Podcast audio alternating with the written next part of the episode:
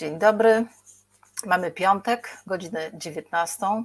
E, po krótkiej wakacyjnej przerwie wracamy na antenę z cyklem wywiadów z bardzo ciekawymi, inspirującymi, co najmniej mnie, osobami e, w ramach cyklu My Life, My Rules. E, zapraszam do mm, swoich piątkowych wywiadów na live osoby, które są członkami grupy Kariera Marzeń. Dotychczas była to grupa na Facebooku, E, od niedawna taka sama grupa o takiej samej nazwie funkcjonuje na LinkedInie. Jeżeli jeszcze nie jesteście członkami tej grupy, to serdecznie zapraszam. Moim gościem dzisiaj po raz pierwszy od e, dotychczasowych pięciu odcinków jest osoba, której ja osobiście praktycznie nie znam. E, tak, face to face, ale online widziałyśmy się dopiero pierwszy raz, próbując streama w tym tygodniu. E, tym bardziej jestem bardzo podekscytowana e, tym wywiadem, ponieważ e, z tego, co zdążyłam poznać tak online trochę Agnieszkę, moją imienniczkę, jest to bardzo dla mnie fascynująca i bardzo tęczowa osoba, która ma tak wiele zainteresowań, tak wiele twarzy, moim zdaniem, że ten wywiad zapowiada się bardzo ciekawie, zresztą jak wszystkie inne dotychczas. E, nie będę przedstawiać e, mojego gościa samodzielnie, tak jak nie przedstawiam wszystkich dotychczasowych. Pozostawiam scenę tym właśnie osobom zapraszanym, żeby mogły się same przedstawiać. Moim dzisiejszym gościem i waszym jest Agnieszka Świderska. Agnieszka, bardzo serdecznie Cię witam. Dziękuję, że przyjęłaś moje zaproszenie. E, prośba, przedstaw się naszym słuchaczom oglądającym, a Was w międzyczasie Szanowni oglądający, proszę jak zwykle, żebyście dali znać, że jesteście z nami e, i zostawili komentarze na naszym czacie. Agnieszka, scena jest Twoja. No dobrze, to może zacznę od tego, że przede wszystkim w swoim życiu jestem mamą. Mamą taką trochę na e, trójkę. Nigdy nie chciałam być mamą szóstkową, bowiem stawiam na mm, taką samorealizację i i samowystarczalność e, e, moich dzieci. W związku z tym mało mnie przy nich było. Do niedawna, póki jeszcze nie zrobiłam rewolucji życiowej, o której wspominałam też na grupie, przedstawiając się, a właściwie nazwałam to postawieniem wszystkiego na nogi jednak, bo to czyni, że mm, trochę się zmieniam, trochę wzrastam, trochę siebie zauważam też. Więc od niedawna zaczęłam się bawić z tymi moimi dziećmi e, i myślę sobie, że może podniosłam ocenę o połówkę na 3, ale ze świadomością i e, zgodą e, tak naprawdę na to.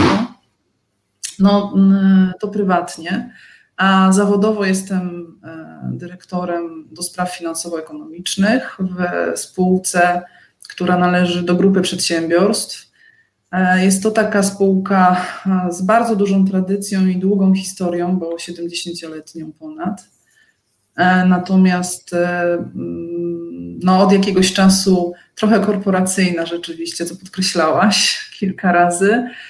A natomiast jest to też takie miejsce, w którym ja się po prostu zwyczajnie czuję dobrze i traktuję mm, jak swój drugi dom, często jak dom pierwszy. Fascynuje mnie sztuka, tak szeroko widziana, bowiem to, to, to trochę związane jest z moimi niezrealizowanymi marzeniami. E, głównie teatr i poezja, gdzieś tam zaszczepiona przez moją nauczycielkę, jeszcze w podstawówce. No i jeszcze mm, jakieś dwa lata temu mm, uczestniczyłam E, jako, jako e, uczennica szkoły muzycznej gry na, e, na fortepianie, pianinie, jak zwał, tak zwał. Zakupiłam dwa, dwie sztuki pianina. Jedno stoi u mnie w pracy, w moim biurze, drugie w domu i czasami staram się przygrywać, choć muszę przyznać, że E, byłam na tych zajęciach półtora roku, nauczyłam się jednej etiudy, więc myślę, że nie za wiele, ale, ale cieszy mnie to, że chociaż tyle. Tak? Ale jak dojdziesz do perfekcji na tej jednej etiudzie, to kto wie, na czym to się skończy. E, no. Zaczęłaś od tego, że jesteś przede wszystkim mamą i muszę powiedzieć, że z takiego posta powitalnego na naszej grupie mm, Kariera Marzeń, to co mnie bardzo mocno e, zachwyciło, e, to jedna, jedna, jedno zdanie, które napisałaś, że dajesz swoim dzieciom możliwość niebycia idealnymi.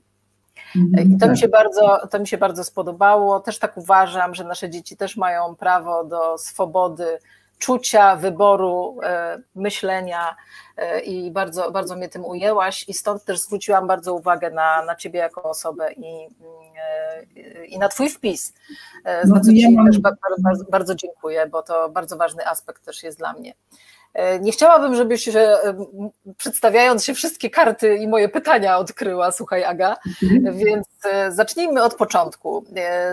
Ponieważ te, te, nasze wywiady, te nasze spotkania, które organizuję, mają też mieć charakter po pierwsze odkrycia tej osoby, z którą rozmawiam i poznania jej bardziej, ale też taki cel edukacyjny, żeby osoby, które słuchają, żeby mogły też czerpać inspiracyjnie dla siebie z różnych miejsc, bo każdy jest w innym miejscu, każdy ma inne mhm. potrzeby, każdy ma e, inne mm, oczekiwania, też słuchając takiego, takiego wywiadu, ale mam nadzieję, że też słuchają nas nowe osoby, które gdzieś decydują w tej chwili o wyborze być może swoich studiów, dlatego bardzo często pytam, e, jak nie zawsze, e, swoich gości, jak to się wszystko zaczynało? Jak jesteśmy dziećmi i marzymy, kim chcemy być w przyszłości? Ile się z tego sprawdza, ile z tego zostaje z nami, jak jesteśmy osobami dorosłymi. W związku z tym pytanie do ciebie, jak byłaś dzieckiem, to kim ty chciałaś zostać w dorosłym życiu, powiedz Aga? No, mm, e, przyznam, że mm, ja mm, pierwsze takie pytanie kierowane do mnie pamiętam, kiedy miałam powiedzmy 5, może 6 lat. I pamiętam siebie jako małą dziewczynkę w kręconych blond loczkach, E, przebierającą się w sukienki swojej mamy. I te sukienki były oczywiście dla mnie przydługie do kostek i fascynowały mnie e, e, sukienki właśnie. I na pierwsze pytanie w taki sposób zadane, ja odpowiedziałam, że chciałabym zostać zakonnicą. Bowiem miałam to przeświadczenie, że tylko suknie długie noszą zakonnice. E, potem trochę zweryfikowałam i uznałam, że bycie księżniczką też mi odpowiada. E, no, prawda, piękne, piękne marzenia. E, natomiast no, życie układa się różnie, wywodzimy się z różnych środowisk. To moje nie wydaje mi się, żeby było najlepsze. Ja przynajmniej patrząc jakoś tak wstecz, wiedziałam, marzyłam o tym, żeby kiedyś w przyszłości mieć porządny, dobry dom. E, w którym to dzieci będą wzrastać w poczuciu wolności. Ja mam tak bardzo głęboko zakorzenioną, e, zakorzenione poczucie wolności, odrębności, indywiduum. E, I dzisiaj, jak moje dzieci chcą czegoś próbować, ja nigdy nie odmawiam. Zawsze mówię, możesz wszystko, tak? Możesz skoczyć z okna, tylko proszę, żebyś wzię, wzięła, wziął odpowiedzialność za to i wziął pod uwagę konsekwencje, które ja ci narysuję, tak? Jak one mogą wyglądać, ale rób co chcesz, tak? To jest twoja droga, to jest twoje życie, nie rezygnuj. Pamiętam siebie też, jak miałam 13 e, lat i e, w szkole podstawowej e, zmienili nam polonistkę. To była polonistka, która bardzo fascynowała się poezją, właśnie teatrem, i ona zakorzeniła we mnie taką miłość prawdziwą do poezji. Ja z tamtego okresu w szczególności pamiętam Baczyńskiego, którego po prostu uwielbiałam i ten okres trudny bardzo i e, e, rozterek miłosnych e, jego, krótko przecież bardzo żył, natomiast poezję napisał e, przepiękną. E, I pamiętam e, brak tremy na warsztatach teatralnych i jakąś taką mm, dojrzałość emocjonalną małego dziecka. E, I e, to chyba spowodowało, że ja zaczęłam marzyć o tym, żeby zostać w przyszłości aktorką teatralną. Mm, bardzo chciałam. I odczułam, odczuwam teraz, jak o tym mówię, taką e, bardzo silną potrzebę powiedzenia tego, bo to jest jedyna chyba rzecz, rzecz w moim życiu, której ja nie zrealizowałam tylko dlatego, że inni uznali, że to nie jest najlepsza droga dla mnie, że ja się nadaję do czegoś innego, nie? że ja Wybierali za ciebie po prostu, tak. tak. Mhm, mhm. I nie posłuchałam tych swoich pragnień, no co spowodowało, że do dzisiaj jest to dla mnie takie mm, marzenie bardzo, bardzo niezrealizowane, bardzo emocjonalnie do tego podchodzę, bardzo rzadko potrafię mówić o tym spokojnie. To się wiąże z takim no, totalnym niespełnieniem i chyba z tego powodu też y, tak częściową utratą szczęścia, bo y, pracuję, gdzie pracuję, jestem szczęśliwa, że w ogóle pracuję, dla mnie to jest nie obowiązek, lecz przywilej. Natomiast y, no, no, to, to nie jest taka droga, którą ja sobie wymarzyłam i która była ze mną bardzo długo e, potem, bo ja jeszcze byłam dorosłym człowiekiem, kiedy o tym marzyłam. Wiesz, nigdy nie jest za późno na zmianę i e, nie wiadomo, gdzie nas losy pokierują, także kto wie, Agnieszka, co tam jeszcze ty w życiu zrobisz, słuchaj. E, a jeśli mówimy o jeszcze tych, tych czasach, e, powiedzmy sobie, rozpoczynania myślenia o, o karierze, to chciałam jeszcze cię też spytać, czy jak Twoja ścieżka edukacyjna koresponduje z tym, co Ty dzisiaj robisz? Jakie studia wybierałaś? Czym się kierowałaś, jak te studia wybierałaś? E, czy to też było jakieś inspirowane przez rodziców? Bo wiesz, rodzice zawsze nam mówią, zostań lekarzem albo prawnikiem, bo to dobry zawód. Pytanie, e, czy to nam w duszy gra i czy też potrafimy e, świadomie wybierać i mówić, co my chcemy? Znaczy, ja od dziecka Jestem przesiąknięta księgowością, dlatego że moja mama była specjalistą do spraw finansowo-księgowych, e, właściwie e, głównym księgowym, na początku specjalistą do spraw księgowości, potem głównym księgowym. Natomiast ze strony mojego ojca, mój dziadek był również głównym księgowym. I o księgowości mówiło się wszędzie. Jak wyjeżdżałam na wakacje, spotykałam się z dziadkiem, to moja mama dyskutowała z dziadkiem, tak? E, żyłam e, z księgowością, bo mama pracowała na wielu etatach, e, więc te prace przy, przynosiła. O tych zdarzeniach gospodarczych opowiadała w zasadzie bez, no, no cały czas. Opowiadała o tym, korespondując też z przepisami. W związku z powyższym, ja, będąc już dzieckiem, miałam, myślę, wiedzę dość sporą na ten temat. Tym bardziej, że mama angażowała mnie do takich prac księgowych tak, książka przychodów i rozchodów, tam plany kont napisać, y, różne rzeczy robiłam.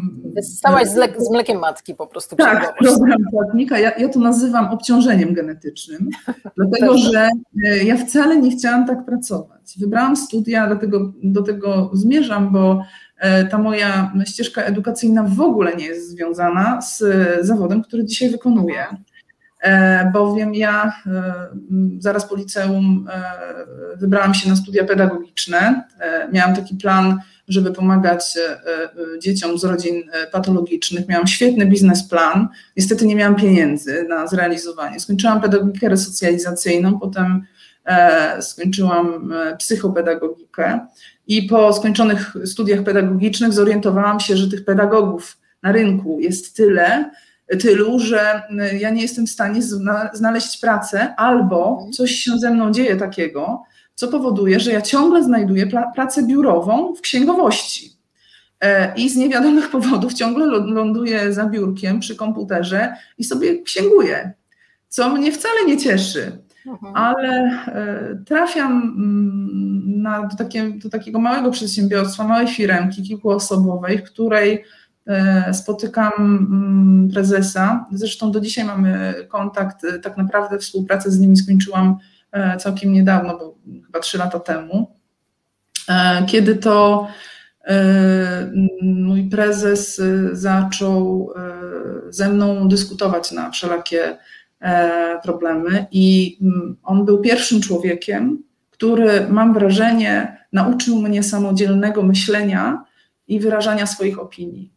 Ja jestem mu za to wdzięczna bardzo, dlatego że e, już potem, w międzyczasie, kiedy podjęłam tę decyzję, że jednak się przekwalifikować i skończyć studia podyplomowe z zakresu rachunkowości finansów, nie miałam oczywiście żadnego problemu z, z, ze, znale- ze skończeniem tych e, studiów. Tutaj najważniejszą dla mnie rzeczą było takie poukładanie wiedzy, bo ja dużo wiedziałam, nie wiedziałam do końca skąd, albo skąd czerpać informacje, czy to, co wiem, jest zasadne, albo to, co wiem, jest gdzieś tam potwierdzone. Tak? No więc te studia podyplomowe nauczyły mnie tego odnajdywania wiedzy. Dzisiaj z tego korzystam nadal, nie mam jakby problemu z, z odszukaniem informacji. E, natomiast, e, no tak jak mówię, nie to chciałam robić, tak? Mhm. Robię, jestem w tym silna, jestem w tym dobra, jestem, e, myślę, dzisiaj perfekcjonistką i profesjonalistką w tym, co robię, przynajmniej tak się staram być. Natomiast nie od początku tak było i nie, nie to tak, to, to nie, ta, nie tędy droga miała, miała mnie prowadzić. Ja mały przerywnik, witam wszystkich, którzy z nami są, Sylwię, Ole e, i e, osoby, które oglądają nas e, na naszej grupie Kariera Marzeń, które niestety pokazują nam się jako Facebook user, więc nie nazwę Was z imienia, nie przywitam. Witam też Zuzannę. Także fajnie, że jesteście z nami. Zachęcamy też do zadawania pytań, które na koniec, jak już się wyczerpie moja lista pytań, postaramy się skorzystać z Waszej. Agnieszko, powiedz mi, mm, bo wspominałaś też e, w tym takim powitalnym e, poście w naszej grupie, mm, że masz też potrzebę cały czas kształcenia się. Jak to jest z tym takim ustawicznym kształceniem się przez całe życie? Czy myślisz, że to nam jest potrzebne, czy musimy kiedyś powiedzieć stop e, i, i dać sobie, odcinać kupony od tego, co już żeśmy się nauczyli? Chętnie poznam Twoje zdanie, bo ja mam swoje wyrobione na ten temat. No, e, w moim przekonaniu ja mam taką postawę, że dopóki będę żyła, dopóki, dopóty będę się uczyła. Do końca życia chcę się uczyć e, e, czegokolwiek. Myślę sobie, że człowiek, który nie podąża za wiedzą i nie uczy się i nie korzysta z dostępnych źródeł, po prostu może w pewnym momencie nie nadążyć za zmianami, szczególnie, szczególnie w tak zmiennym świecie, który nas teraz otacza. E, I myślę sobie też, że to nie jest związane wyłącznie z takim e, dokształcaniem się, ale samym tak, poznawaniem e, rzeczywistości i siebie bo w momencie, kiedy my, mm, tak sobie myślę, poznajemy, a ja to czynię od niedawna zupełnie, poznajemy siebie e, i czujemy e, swoją wartość i to, jak mocni jesteśmy w e, jakichś dziedzinach życia, to to powoduje, że nam się chce zmieniać świat, otoczenie, uczyć i ciągle jakby pogłębiać tę wiedzę. To jest dla mnie e, nauka jest najważniejsza. Tak? Od, odkąd w zasadzie zaczęłam studiować, odtąd wiem, że na jednych, drugich, trzecich studiach podyplomowych, cokolwiek by to nie miało być kiedyś, może, może zupełnie niezwiązane z moją rzeczywistością zawodową, ale na pewno nie skończyłam nauki. Cieszę, cieszę się, że masz takie zdanie, bo dokładnie jest ono bardzo zbliżone do tego, co ja, co ja czuję i, i uważam. E, I myślę, że rzeczywiście czasy są takie, że jeżeli nie e, idziemy zdecydowanie i szybko naprzód, to się po prostu cofamy. E, I na to sobie pewnie żadna z nas nie chciałaby pozwolić. Powiedz,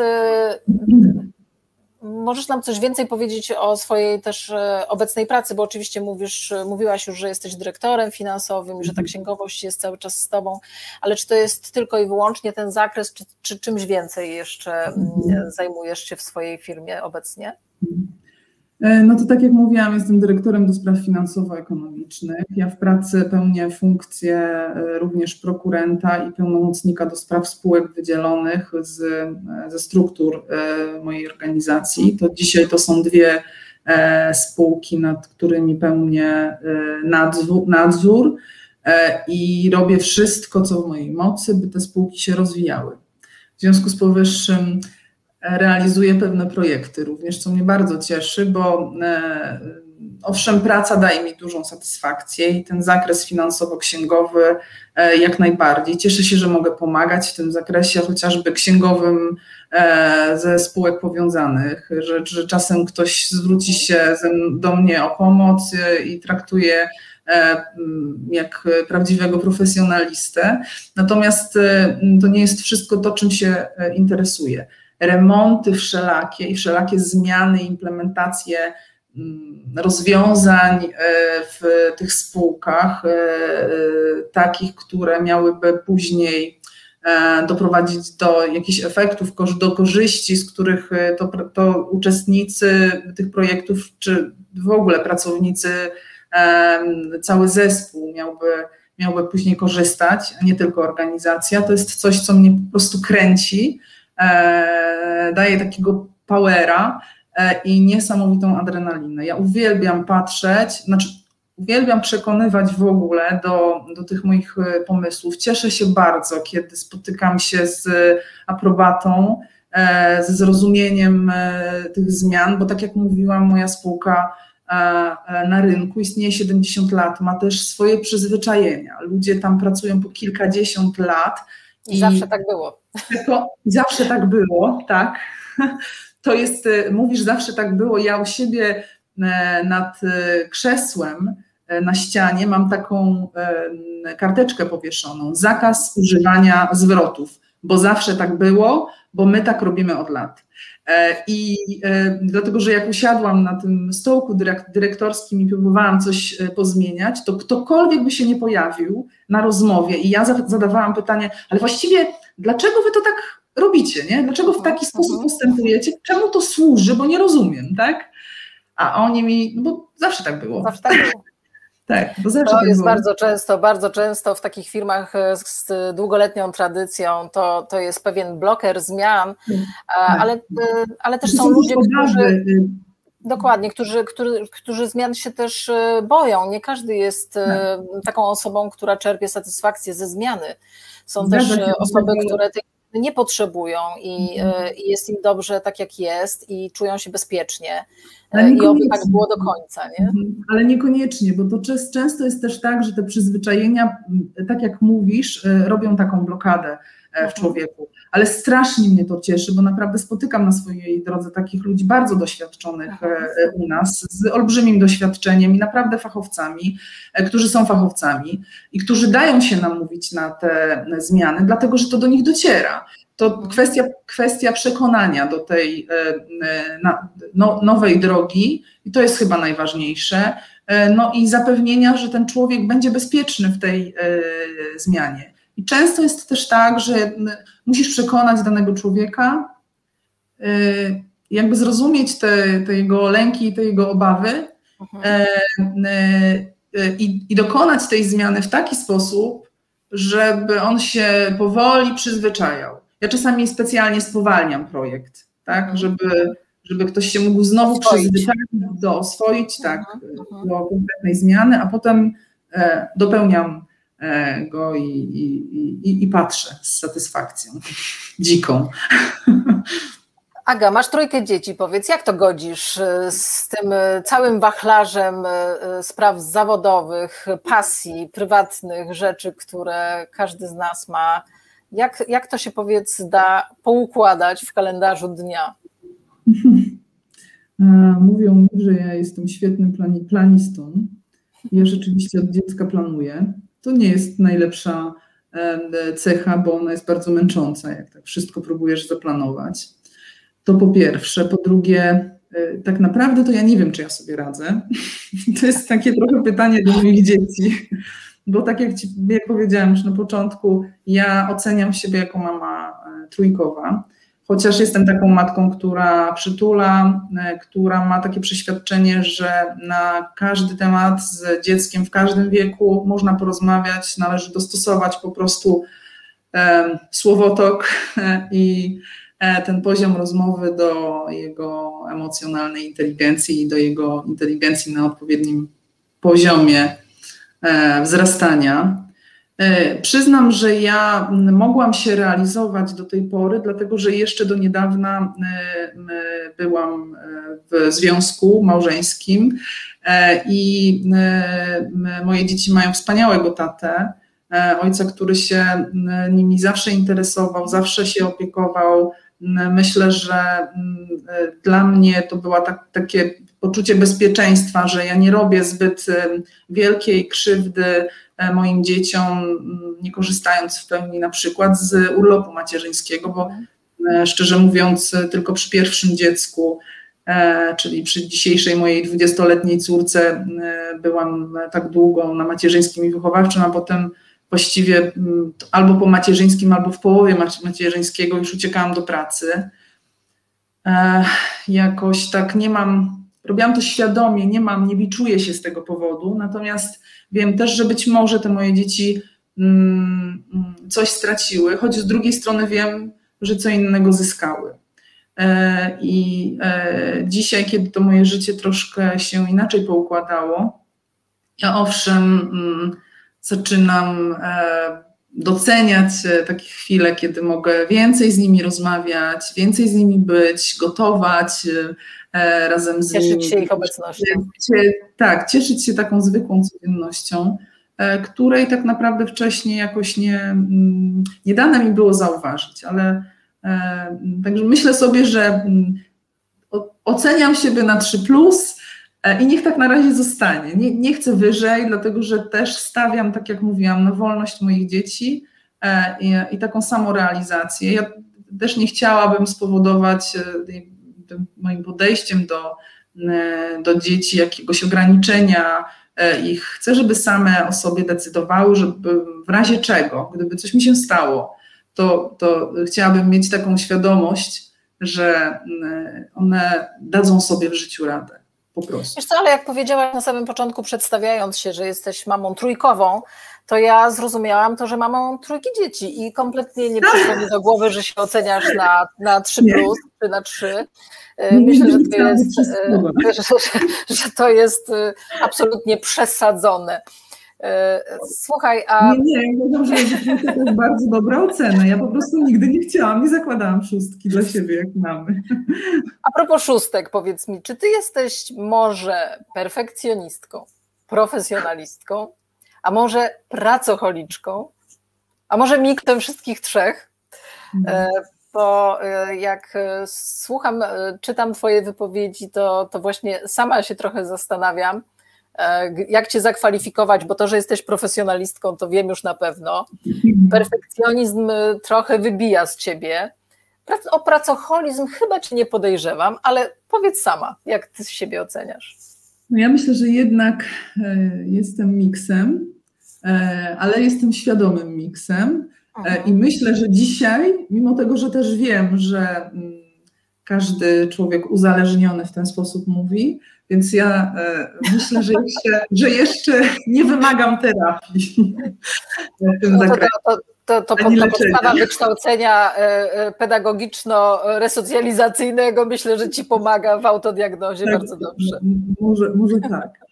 No, z całą pewnością, z całą pewnością jestem e, profesjonalistką, e, bo no, wszystko, co, co, co robię, staram się robić e, jak najlepiej i to jest związane z absolutnym, absolutną ciągłą nauką, samokształceniem, bez przerwy czytam, E, i jakby mm, e, no, no, no chcę, y, chcę, żeby mnie w ten sposób postrzegano, jako prawdziwego profesjonalistę w zakresie e, pracy, w, której, w którym się znajduję.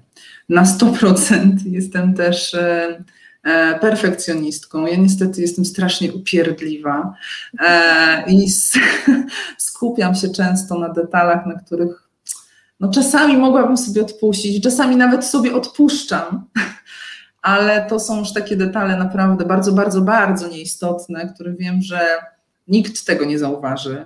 No, że tylko chyba ja bym mogła to zauważyć, może jeszcze mój znajomy, który też ma bardzo e, podobne usposobienie i, i, i, też jest takim detalistą. E, e, no i niestety zdarza mi się pracować e, po godzinach i to po długich godzinach, często E, bywają takie okresy w, mojej życiu, w moim życiu zawodowym, w którym to zaczynam pracę od siódmej, a kończę na przykład o trzeciej nad ranem. Z przerwą na śniadanie i obiad, jak nie zapomnę.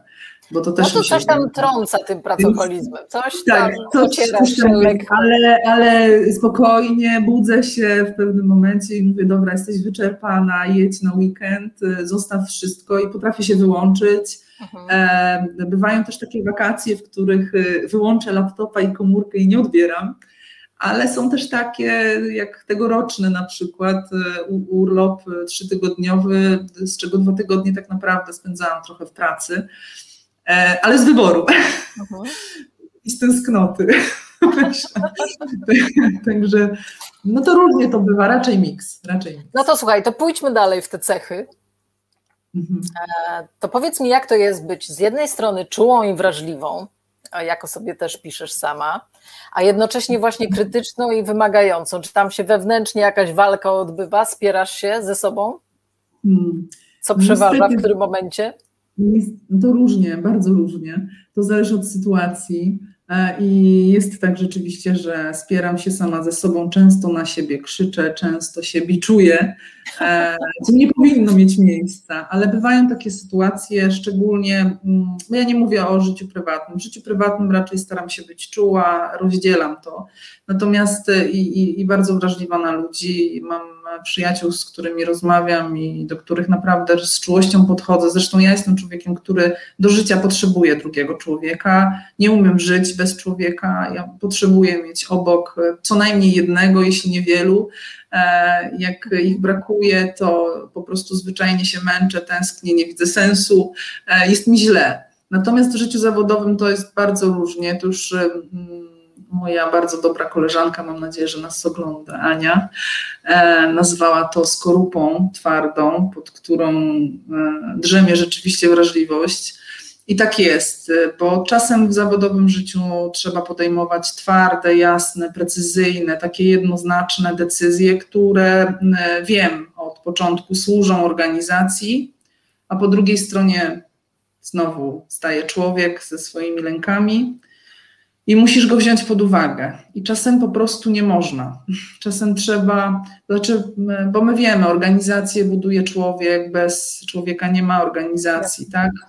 E, natomiast czasami bywają takie sytuacje, kiedy to mm, masz takie przeświadczenie i masz e, pełną wiedzę i jest to uzasadnione, żeby wprowadzić pewne zmiany, albo zaimplementować pewne projekty, które niekoniecznie muszą się ludziom podobać i oni się po prostu muszą do tego przyzwyczaić, albo przepraszam za, e, za to sformułowanie, nie chciałabym wywa- wy, wy, wywołać tutaj burzy, po prostu pozwolić się rozwinąć poza organizacją. Takie jest moje zdanie. Czasami takie decyzje trzeba podejmować, dlatego ja bardzo często w firmie jestem postrzegana jako ta taka hetera, to, to ja mam dla ciebie niespodziankę. Poczekaj, tylko sobie tutaj muszę z tym poradzić. E, a niespodzianka polega na tym, że chciałabym zobaczyć, jako tej, chciałabym, żebyś zobaczyła, jak o tej heterze mówią współpracownicy. E, nie wiemy, kto to jest, e, ponieważ mamy tylko Facebook user. Zakładam, że jest to osoba, która ogląda nas na grupie, no, a niestety grupa ma to do siebie, że nie pokazuje, kto mówi, ale to może fajnie, że anonimowo. E, widzisz, serduszka, przebojowość, e, w ogóle całaty. Więc spokojnie z tą hetero, na pewno cię tak nie odbierają. Ja słyszałam taką o sobie, o sobie takie, takie opinie, więc jakoś mnie to nawet specjalnie nie dziwi, bo rzeczywiście podejmuję trudne często decyzje. Bywają też decyzje w moim życiu, już niestety zdarzyła się personalna i gdzieś tam z tyłu głowy jest zawsze takie poczucie, że no może kogoś skrzywdziłam tym, tak? Może, może mogłam jeszcze znaleźć jakieś inne rozwiązania, ale z drugiej strony ja wiem, że ja najpierw zawsze wszystko przeanalizuję i naprawdę staram się pod tego człowieka, e, temu człowiekowi zrobić dobrze, jakkolwiek by to nie zabrzmiało. Natomiast y, no, czasem bywają takie decyzje, y, które zostają jeszcze na długo z tyłu głowy. Mhm. Słuchaj, do kolejnego pytania muszę wziąć ściągę niestety, bo chciałabym okay. coś, e, coś przytoczyć, bo chciałabym trochę porozmawiać o Twojej twórczości, o Twoich pasjach. E, wiem, że mm, piszesz poezję. Niestety nie czytałam, ale, e, ale na pewno to zrobię. Ale żeby się do dzisiejszego naszego spotkania, do wywiadu z Tobą przygotować, to poczytałam trochę recenzji o Twoich tomikach poezji. I jeden z takich fragmentów na tyle mnie mm, zaintrygował, że pozwolę sobie go zacytować. Tomik wierszy czyta się łatwo pod względem użytych słów i metafor, które nie są w żaden sposób trudne do zrozumienia. Natomiast dla osób samotnych lub takich, które kogoś straciły, może sprawić trudności emocjonalne, jednakże nie wolno wtedy książki omijać, bo to ona uświadamia nam, że nie tylko my cierpimy, e, że takich osób jest więcej. I ta recenzja daje mi wiesz, wiele do myślenia, bo E, bo ona pokazuje, e, jak głęboka jest ta Twoja twórczość, jak emocjonalnie potrafi dotykać e, czytelnika. Powiedz, skąd czerpiesz inspirację do pisania poezji, bo prozę czy poradniki, to tam można usiąść i pyknąć na kolanie, ale mm, chociaż prozę trudniej, bo to trzeba mieć jakiś scenariusz, jakiś wątek w głowie, ale poezja to już jest no, chyba mm, to najwyższy level, więc powiedz, skąd ta inspiracja? Nie, w ogóle się nie zgadzam z tym, że to jest taki wysoki level. Jestem, jak mój przyjaciel e, Tomasz, e, nie ma go niestety, nie ma, nie ma Facebooka, ale odtworzę mu, więc będzie szczęśliwy, że o nim wspominam. E, mówi, ja jestem zbyt skromna, żeby oceniać w ogóle, żeby mówić o tych tekstach jako poezji.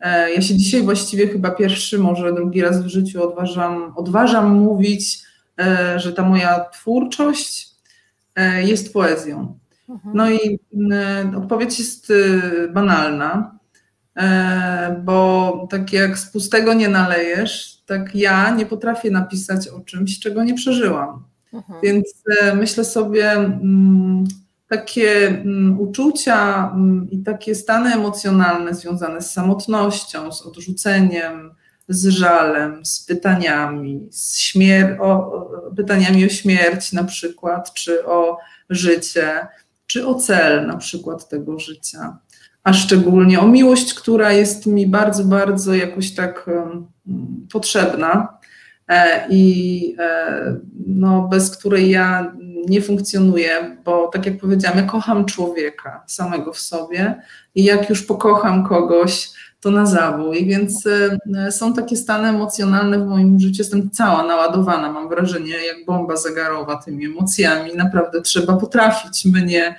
trochę tak okiełznać i, i zrozumieć. E, więc e, tego typu przykre, e, ale i radosne emocje po prostu są mi znane i nie tylko mi.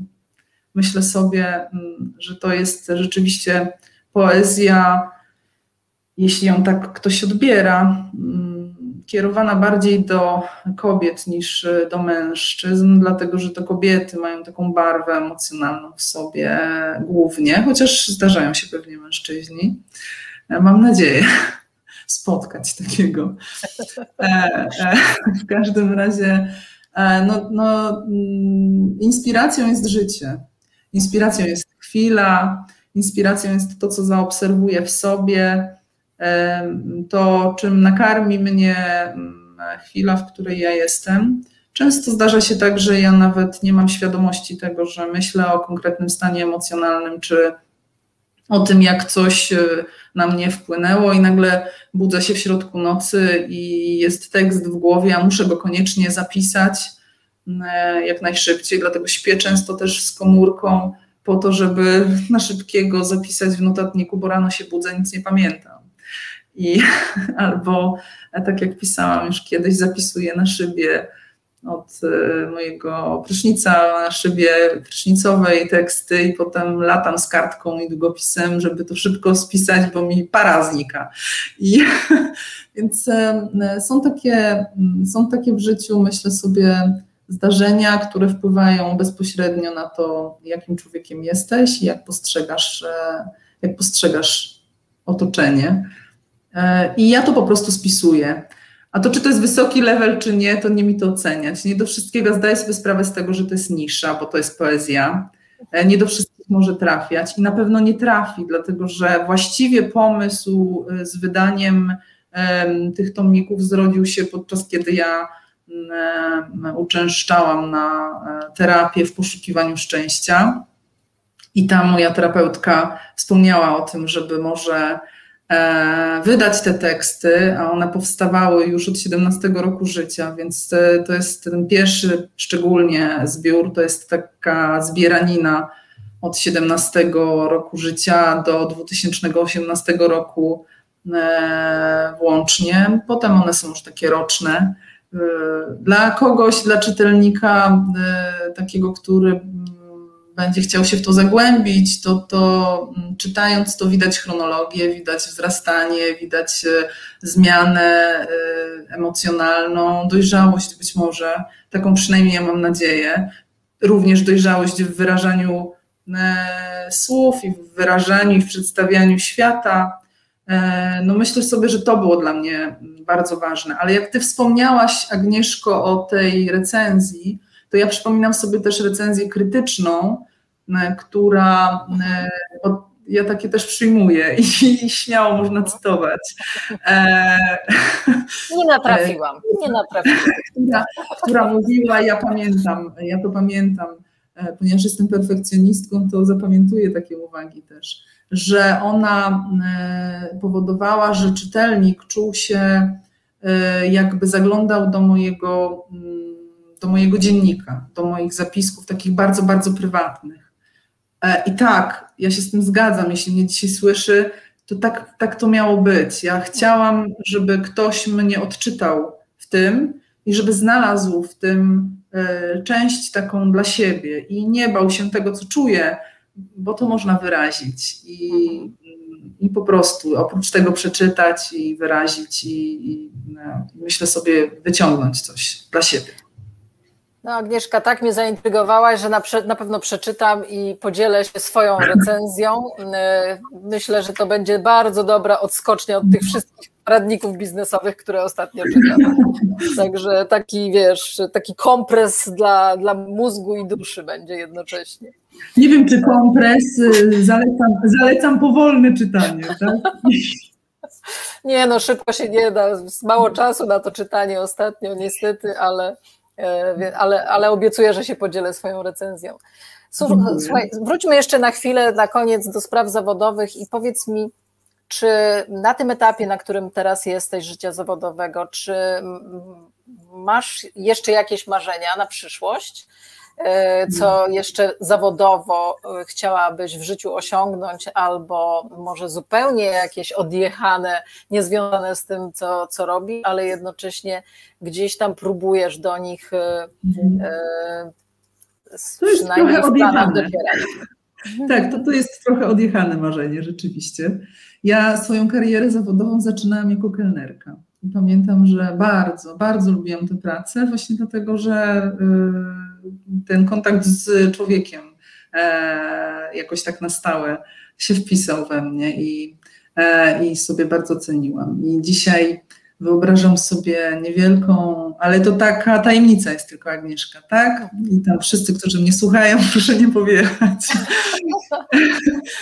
No to wyobrażam sobie taką niewielką restaurację z maksymalnie dziesięcioma stolikami, e, klimatyczną, acz surową, z kącikiem literackim, w którym to od czasu do czasu odczytuje się a to ciekawe książki, a to być może poezję. Wyobrażam sobie siebie jako menedżera tej restauracji, który od czasu do czasu wcieli się w rolę kelnera i zahaczy niby przypadkiem osoby, które zechcą u mnie zjeść dobre polskie jedzenie, bo ja mam wyrafinowane podniebienie, E, i mam ochotę upiec tam parę ciast jeszcze. E, więc chciałabym się przyłączyć do tych stolików, e, poprosić o chwilę mm, czasu dla mnie, o rozmowę i marzy mi się taka nazwa Porozmawiajmy przy jedzeniu. Wszelkie prawa zastrzeżone. Tak, dlatego powiedziałam. Mój pomysł. Nie no, brzmi, słuchaj, bardzo, bardzo smakowicie. Ja myślę, że naprawdę teraz po tej pandemii wiele restauracji upadło, jest z powrotem nisza. Można tak. się, można się wbić w dobry moment, bo tak jak upadło wiele, tak powstają teraz nowe. A my jesteśmy chyba spragnieni odwiedzania właśnie miejsc takich jak e, kafejki, jak e, restauracje, obcowania z drugą osobą, e, napicia się wina to już mówiłyśmy, nie? Nowa Zelandia czy tam Australia, tak, tak. jakąś. To drugi biznes. To drugi biznes, tak. E, słuchaj, pracujesz jednak w korporacji póki co. E, I rozumiem, że, bo też chciałam spytać o pewien plan B, bo nawet najlepsi e, no, mają e, w korporacjach taki moment, że nawiedza nas ten czarny łabędź i coś trzeba na szybko zmieniać. I dobrze jest mieć właśnie plan B. Czy, czy, czy ta restauracja, oprócz tego, że jest marzeniem, to jest jakimś Twoim planem B? Czy gdybyś dzisiaj nagle została bez pracy, nie, nie, nie byłaby to Twoja decyzja, byłabyś nią zaskoczona? to czy byś e, szybko szukała, jak otworzyć biuro rachunkowe albo być dyrektorem finansowym czy ekonomicznym w innej firmie, czy jednak byś powiedziała, los e, podjął za mnie decyzję, więc to jest ten moment na tą restaurację. Znaczy, ja mam takie trzy plany i te, to, to marzenie restauracji z pewnością jest takim jednym. E, drugie to tak, e, jak powiedziałaś, e, biuro rachunkowe, bo ja mam pełne uprawnienia do tego, by mhm. to biuro rachunkowe otworzyć i właściwie to myślałam już o tym wcześniej, jakoś tak do tej pory nie miałam powodu, żeby je otworzyć i jakoś dzisiaj mnie to jeszcze nie przekonuje, chociaż to jest jakieś wyjście, tak, jakiś pomysł. Natomiast ja muszę się przyznać, że ostatnio zakiełkowało w mojej głowie E, zakiełkowała taka myśl, podczas kiedy udzielałam wywiadu prasowego na rzecz e, fundacji, w której kończyłam e, MBA. I na koniec właśnie zadano mi podobne pytanie. I ja sobie tak pomyślałam, przecież ja mam w ogóle niewykorzystany potencjał pedagogiczny. Przecież ja jestem profesjonalistą w zakresie rachunkowości, w zakresie finansów, ja się na tym znam, mogłabym to wykładać.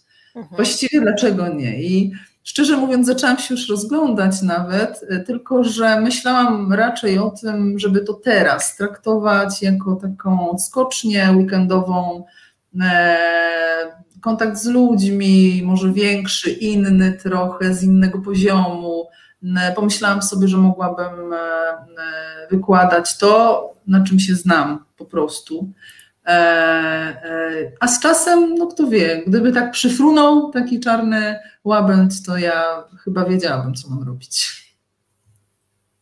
Super.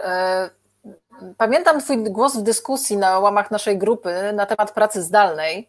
E, I wiele firm w tej chwili zmaga się mm, z bardzo szeroką dyskusją, e, czy hybrydowy tryb, czy wracamy do biur, czy jakby wracamy do, do starej normalności, żeby, żeby otrzepać się z tej pandemii, z tego, co się stało. Ale jak się ogląda mm, ogłoszenia o pracę, to widać, że już w każdym ogłoszeniu o pracę pracodawcy chwalą się tym home office'em i możliwością pracy zdalnej, bo jest łatwiej pozyskać pracownika, ponieważ pracownicy, w, nie mówię, że wszyscy, absolutnie, bo ludzie są różni, mają różne potrzeby, e, ale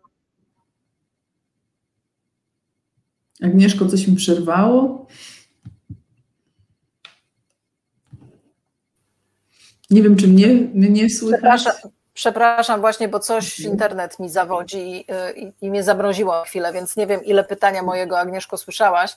E, jakby chciałabym, żebyś się podzieliła z nami e, jakby swoją opinią na temat, czy, czy praca zdalna jest dla nas zdrowa, dla nas, dla naszych organizacji, dla ludzi, dla zespołów czy to jest potencjał dla pracodawców, który można przekuć w jakąś e, w przyszłości, w jakiś sukces, że mamy nowoczesną firmę, która potrafi tym zarządzać, czy jednak to e, Twoim zdaniem długoterminowo może nam zaszkodzić?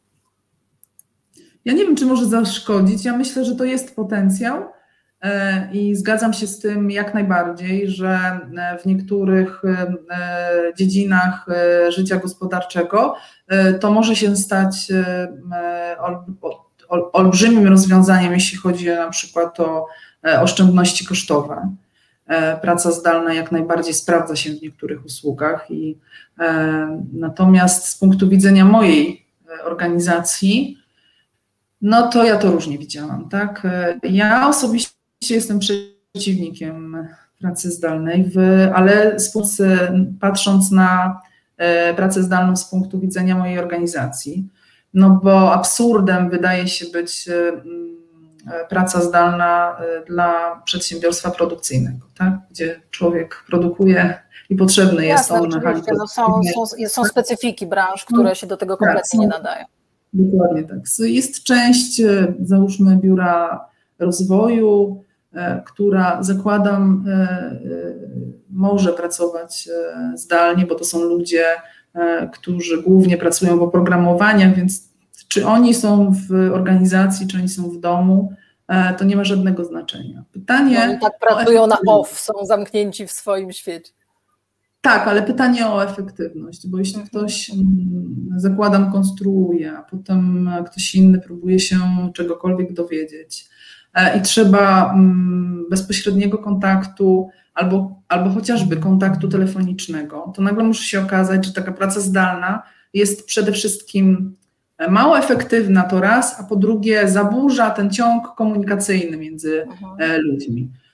E, są takie zdarzenia, w których e, no ja niestety uczestniczyłam, gdzie mm, potrzebowałam tego kontaktu od razu i z reguły go miałam, i nagle przyszła pandemia i mi to wszystko zepsuła. Nie? Mhm. E, to spowodowało, że mm, pewne działania zostały na tyle zaburzone, że przeciągały się w czasie, co, co oczywiście nie było z korzyścią dla spółki, z korzyścią finansową. Poza tym no, ośmielam się też stwierdzić, że e, no, niektórzy naginają tę pracę zdalną i innym jest wygodnie korzystać z, z bycia w domu, bo mogą nadgonić swoje tam prywatne e, życie, nie do końca skupiając się na e, pracy. Takie przypadki też odnotowałam. Co przykre jest, no, mieliśmy bardzo dużo tak naprawdę E, e, problemów z tym związanych. Ale ja też mówię z punktu widzenia, i to podkreślałam, swojej e, osobowości, bo to jest jakby kolejny problem. Nie, nie, każdy jest stworzony do tego, by tę pracę zdalną realizować, i nawet w sytuacji, kiedy zalecano nam, pracownikom wyższego szczebla, bycie w domu, to no ja odmówiłam. E, I był taki moment w mojej organizacji, w którym byłam jedynym dyrektorem e, w stacjonarnie pracującym, bo ja sobie po prostu nie wyobrażam takiej pracy. I to nie chodzi o to, że mm, nie mogłam wziąć swoich papierów do domu i popracować albo połączyć się, bo oczywiście miałam narzędzia, tak? Mhm. Ale mm, y, to jest też coś, co ja podkreślam od samego początku. Ja nie po to buduję swój dom żeby z tego domu robić y, zakład pracy. Mhm. Tak? Ja rozmawiam o mojej pracy i to mi wystarcza w domu, bo dzielę się moimi problemami w pracy, ktoś mnie o, coś zapyta, czy to starsza córka, czy kiedy spotykam się z mamą, także na, na, w takich codziennych y, relacjach opowiadam mojej, o mojej pracy. I nie chcę z mojej sypialni, bo to jest jedyne miejsce, w którym mogę się zamknąć i, i, mogłabym pracować, ale ja nie chcę z mojej sypialni, do której nigdy nie wstawiłam ani radia, ani, ani telewizora, robić e, pracy, bo dla mnie praca jest w miejscu pracy i tam są ludzie, którzy są kompetentni, e, tam są ludzie, którzy e, tworzą to środowisko. Mm, ja nie mam takiego środowiska. Chciałabym to rozdzielić E, skutecznie i myślę, że to mi się udaje robić. Super. Dzięki za ten głos w dyskusji. E, podzielę się pytaniem z, od Sylwii. E, to przepraszam, nie to, no ale cześć. Co byś zrobiła inaczej, jakbyś miała taką moc, żeby cofnąć czas? Powiedz nam. Byłabym dzisiaj aktorką, na pewno. Nie Super. byłoby mnie tutaj, gdzie jestem. Byłabym aktorką. Albo przynajmniej spróbowałabym i dowiedziałabym się, że jestem beznadziejna. Bo nawet tego nie zrobiłam. E, słuchaj, Aga, zostały mi dwa pytania, które są zawsze zadawane moim gościom i, e, i, i, też chcę zadać je Tobie. Pierwsze dotyczy wsparcia takiego systemowego e, kobiet w środowisku pracy, na rynku pracy, w korporacjach. Czy Ty masz takie poczucie, że my, kobiety, potrzebujemy takiego systemowego wsparcia, czy czy bardziej, e, e, bardziej prywatnego, takiego, żebyśmy się wzajemnie wspierały, czy te jakieś parytety są nam potrzebne, e, czy, czy to, że my nie jesteśmy w tym parytecie jeszcze mocno zaznaczone, to jest trochę nasza wina, bo jesteśmy za bardzo wycofane. Jakie jest Twoje zdanie, powiedz? Tak, dla mnie, mam nadzieję, że nie wywołam znowu tutaj burzy niepotrzebnej, ale dla mnie parytety to jest podkreślenie, że kobieta jest słaba. Mhm. Potrzebuje systemowego wsparcia, żeby móc wejść gdzieś, gdziekolwiek, do mhm. polityki, do organizacji. Ja osobiście nie chciałabym usłyszeć, że no, zatrudniamy panią na to stanowisko, bo jest pani kobietą. Mhm. No nie. Jest pani najlepsza spośród wszystkich kobiet. No nie. Ja chcę być najlepsza spośród wszystkich kandydatów, którzy startują. Ja chcę być postrzegana jako profesjonalista. Ja nie potrzebuję wsparcia systemowego. Mało tego, mhm. uważam, że kobiety wcale nie potrzebują takiego wsparcia, bo są silne, bo są niejednokrotnie dużo, dużo silniejsze, dużo bardziej zorganizowane, bardziej kreatywne, e, bardziej zaplanowane od mężczyzn. I często jest tak, że wyprzedzają tym umysłowym myśleniem niejednego mężczyznę. I oczywiście na dlaczego drogi... jest nas tak mało? To dlaczego jest nas tak mało na wysokich stanowiskach menedżerskich? Bo to jest kultura, moim zdaniem, bo to jest kultura i takie przeświadczenie, że, mm, które się ciągnie za nami w moim przekonaniu, e, że no, powinniśmy zająć się domami, może, może niekoniecznie nadajemy się, bo to mężczyźni, e, przeznaczeni są do tych wyższych celów, do e, realizacji prowadzenia wojen. Ja uważam, że ja najlepszą wojnę bym przeprowadziła i najbardziej zaplanowaną i być może byłaby najkrótsza. Nie bierzesz jeńców. Więc e, nie, ja się z tym nie zgadzam, ale e, powiem ale, bo są takie, takie mm, w mojej głowie problemy, które mi się nie podobają i które uważam, że powinny być systemowo, systemowym wsparciem dla kobiet, dlatego że to kobiety rodzą dzieci, a mężczyźni mało doceniają tę rolę matki. I to, że kobieta po tym, jak, jak urodzi e, dziecko, e, dopełniając tym swoje człowieczeństwo i swoją rolę e, i to, w czym chce być, czyli rodzinę, tak, mało często doceniają tę rolę. E, a przecież musimy wziąć pod uwagę, że rynek gospodarczy właśnie wzrasta dlatego, że nas jest coraz więcej, tak, na tym rynku, czyli dlatego, że jesteśmy matkami i rodzimy te dzieci. Więc w takich sytuacjach, kiedy kobieta e, e, decyduje się na bycie matką, mm, to myślę sobie, że powinna mieć takie wsparcie i gwarancję, że, że może wrócić do pracy i że ktoś tam będzie na, na nią czekał i że to jej stanowisko będzie dla niej. Ja na szczęście w mojej organizacji miałam pełne wsparcie, e, bo e, rok po tym, jak się zatrudniłam, urodziłam mojego syna. Przypadkowo się zdarzyło i, i na szczęście spotkałam się z pełnym zrozumieniem i, i mogłam wrócić i wróciłam. Byłam za to wdzięczna. Mhm. Dzisiaj myślę sobie, że trochę inaczej bym na to patrzyła, nie z taką typową wdzięcznością, bo ja naprawdę byłam w szoku, że tak przyjemnie mnie potraktowano. E, Słuchaj, no to chyba i ostatnie, ostatnie pytanie, takie trochę być może podsumowujące. Mm. Czy możesz dać przykład zastosowania w swoim życiu tej zasady, która jest tytułem naszego cyklu, czyli My Life, My Rules? E, moim zdaniem skromnym wielokrotnie przez tą rozmowę się przewijały różne przykłady, ale jakbyś miała tak podać jeden konkretny? Mhm.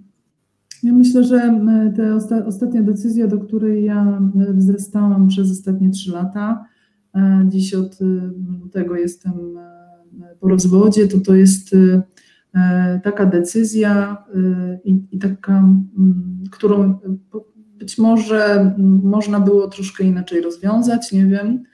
E, natomiast ona spowodowała, że mm, e, ja doszłam do mm, takiego etapu w swoim życiu, w którym mogę powiedzieć o swoich celach dzisiaj. A moim celem było i moimi zasadami życiowymi, bo jak patrzę na swoje życie, to myślę sobie, to są moje zasady jak patrzę na wybory i na te zasady, które dopełniają to moje życie, no to widzę całe moje życie tak naprawdę. Mhm.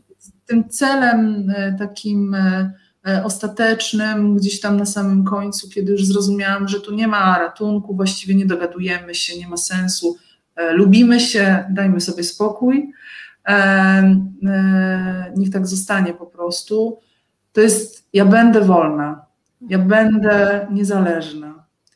E, ja będę samodzielna. Ja będę decydowała sama o sobie. E, nie będę ograniczana. Nie będę kontrolowana. I to są moje zasady. I tak ma być. I koniec. I super puenta, słuchaj. E, mamy praktycznie no, 20 w tej chwili. Martwiłaś się, że się nie wyrobimy w godzinę. Zobacz, idealnie co do sekundy. Powiedziałaś ostatnie słowo, wybiła 20. E, słuchajcie, e, kochani, którzy nas oglądacie i słuchacie, no takie osoby mamy w grupie Kariera Marzeń, więc ci, którzy jeszcze nie są, e, dawajcie do nas, zachęcam do dołączenia. Jeżeli ktoś ma konto na Facebooku, zachęcam do dołączenia do nas na e, Facebooku, grupa Kariera Marzeń. Jeżeli nie macie konta na Facebooku, a macie na LinkedInie, to od e, niedawna, chyba od wczoraj, jest e, dokładnie tożsama grupa na LinkedInie, ale trochę treści inne, bo to też trochę inne portale. Bardzo Ci, Agnieszka, serdecznie dziękuję. Do obejrzenia będzie oczywiście też retransmisja, jeżeli ktoś nie mógł być z nami dzisiaj tu na żywo. E, to retransmisja jest zarówno na kanale YouTube, e, jak i na mm, e, fanpage'u Kariera Marzeń, więc będzie też link do retransmisji zamieszczony na portalu LinkedIn. Jeżeli Wam się ten wywiad podobał, jeżeli jesteście mm, chętni, to zostawcie nam lajka, wpisujcie nadal komentarze. Myślę, że po, po tej mm, transmisji e, Agnieszka sobie te wszystkie komentarze przeczyta i e, dyskusja może jeszcze być długo, długo e, pod, pod tym live'em. Także jeszcze raz, Agnieszka, jesteś naprawdę tęczową osobą. Bardzo, bardzo Ci dziękuję, chociaż może to niepopularne, nie wiem, czy Ci nie robię antyreklamy. Więc dzięki Ci bardzo za udział w dzisiejszym odcinku. I wszystkim Wam, którzy byliście z nami, e, bardzo dziękuję. Życzę Wam spokojnego e, weekendu. Do zobaczenia za tydzień.